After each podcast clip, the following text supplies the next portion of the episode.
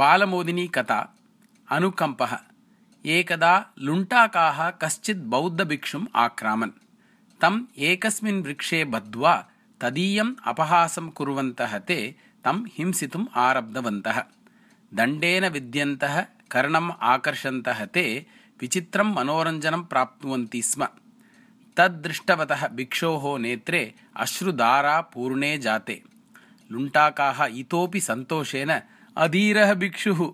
वेदनयाः मरणात् च भीतः एषः रोदिति। रोदनशीलः अयम् इति उपहासम् आरब्धवन्तः। तदा भिक्षुः उक्तवान् वेदनायाः मरणाच्च भीतः सन् अहं न रोदिमि।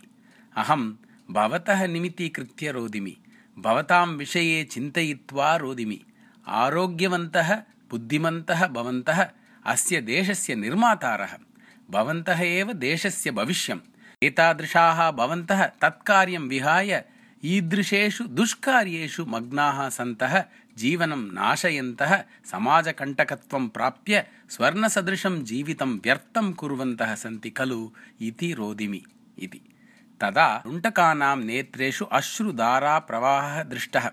एतादृश्यां वेदनामय्यां स्थित्यामपि अयं भिक्षुः अस्मद्विषये चिन्तयति अतः निश्चयेन अस्ति एतस्य हृदयम् उत्कृष्टम् इति मन्यमानाः ते तस्य भिक्षोः चरणयोः अपतन्। तं क्षमां सम्प्रार्थ्य तदीयाः शिष्याः जाताः ते